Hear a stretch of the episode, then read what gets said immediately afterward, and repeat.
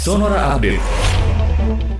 Dugaan peretasan yang mengusik forum pegiat anti korupsi mengancam kebebasan berpendapat di era demokrasi. Penegak hukum didesak mengusut peretasan terhadap sejumlah aktivis meski tidak ada laporan ke kepolisian. Kepala Pusat Penelitian Politik LIPI Firman Nur menilai dugaan peretasan yang dilakukan oleh uh, pada konferensi pers daring Indonesia Corruption Watch pada tanggal 17 Mei 2021 merupakan kemunduran dalam kebebasan berpendapat. Di negara demokrasi, semua warga bebas menyampaikan kritik.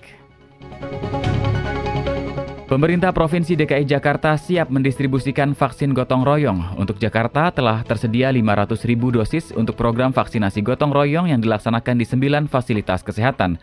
Wakil Gubernur DKI Jakarta Ahmad Riza Patria mengatakan untuk melaksanakan program vaksinasi gotong royong, Pemprov DKI Jakarta berpartisipasi melalui penyediaan fasilitas kesehatan atau vaskes, rumah sakit, dan puskesmas untuk lokasi vaksinasi. Otoritas India mengumumkan sedikitnya 33 orang tewas dan 89 orang hilang akibat diterjang topan Tauk Tae. Bencana topan ini menambah kesengsaraan India yang sedang menderita akibat COVID-19 karena telah merenggut nyawa ribuan orang setiap harinya. Badai Tauk Tae menerjang pantai barat India. Para ahli mengatakan badai dahsyat ini terjadi akibat peningkatan jumlah badai yang lebih besar di Laut Arab. Hal ini merupakan dampak perubahan iklim yang menghangatkan air laut. Kementerian Pertahanan India menyatakan sejumlah pesawat dan helikopter helikopter telah dikerahkan untuk mencari para korban.